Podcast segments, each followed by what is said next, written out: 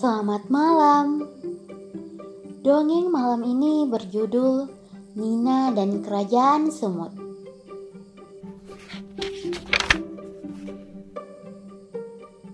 Ayah Nina kerja di luar kota dan selalu pulang ke rumah seminggu sekali. Setiap pulang, ayah selalu membawakan Nina dan adiknya Vina banyak sekali coklat dan kue manis yang berwarna-warni. Tapi sayangnya, Nina tidak mau berbagi dengan Vina. Nina memilih untuk menyembunyikan coklat dan kue-kue kesukaannya di kamar.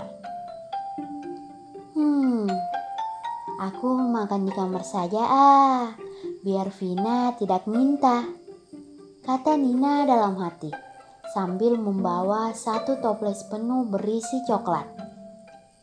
Nina suka sekali makan coklat.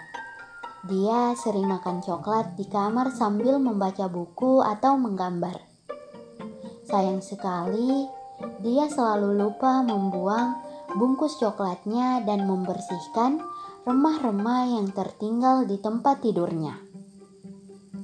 Bahkan, sudah satu minggu Nina selalu makan coklat di kamar dan menyelipkan bungkusnya di sela-sela tempat tidur. Ih, siapa yang suka begitu juga? Suatu malam, saat jarum jam menunjukkan pukul 2 pagi, tiba-tiba Nina mendengar suara gaduh dalam kamarnya. Nina pun terbangun dan merasa ketakutan. Bagaimana ini? Mendengar suara dari bawah. Suara siapa itu? Nina takut sekali dan dia tidak berani bergerak. Lapor raja, ada makanan yang belum tersangkut. Kami kesulitan karena tempatnya di dekat bantal Nina. Nina terkejut karena di balik karpet muncul dua ekor semut yang berukuran lebih besar dari biasanya. Mereka bahkan berbicara satu sama lain seperti manusia. Apakah aku bermimpi? Tanya Nina dalam hati. Tiba-tiba, sesuatu merayap di balik tempat tidur Nina. Badan Nina tiba-tiba terangkat. Nina sangat terkejut melihat dua semut raksasa menarik rambutnya.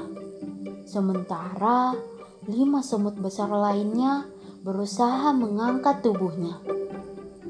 Ayo, kita pindahkan Nina agar bisa mengambil makanan terakhir itu. Perintah salah satu semut yang ada di atas karpet. Rupanya, para semut mengira Nina masih terlelap dan mereka ingin memindahkan Nina agar lebih mudah mengambil bungkus coklat yang masih terdapat sisa-sisa coklat di pinggirannya. Nina baru ingat, bungkus coklat itu semalam Nina buang begitu saja di dekat bantal sebelum tidur.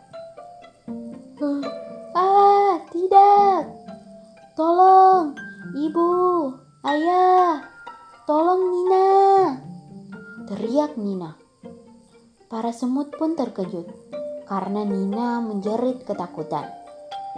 Tiba-tiba, Seekor semut yang berukuran paling besar mendekat ke arah Nina yang menangis ketakutan. Oh, maaf Nina. Kami mengganggu tidurmu. Tapi kami sangat menyukai makanan-makanan yang kamu tinggalkan di tempat tidur. Kemudian, semut-semut itu kembali mencoba mengangkat tubuh Nina yang berteriak ketakutan. Ayah, ibu, tolong aku. Nina, ada apa sayang? Nina membuka matanya dan melihat ibu keheranan. Hah, Nina merasa lega karena ternyata tadi itu hanya mimpi. Nina pun memeluk ibu erat-erat sambil berjanji untuk membersihkan kamarnya dari sampah dan remah coklat. Nina juga berjanji untuk tidak lagi makan coklat dan kue di kamar, atau dia ingin diangkut oleh para pasukan semut. Sampai jumpa di episode-episode selanjutnya. Dan jangan lupa terus sebarkan dongeng-dongeng kebaikan.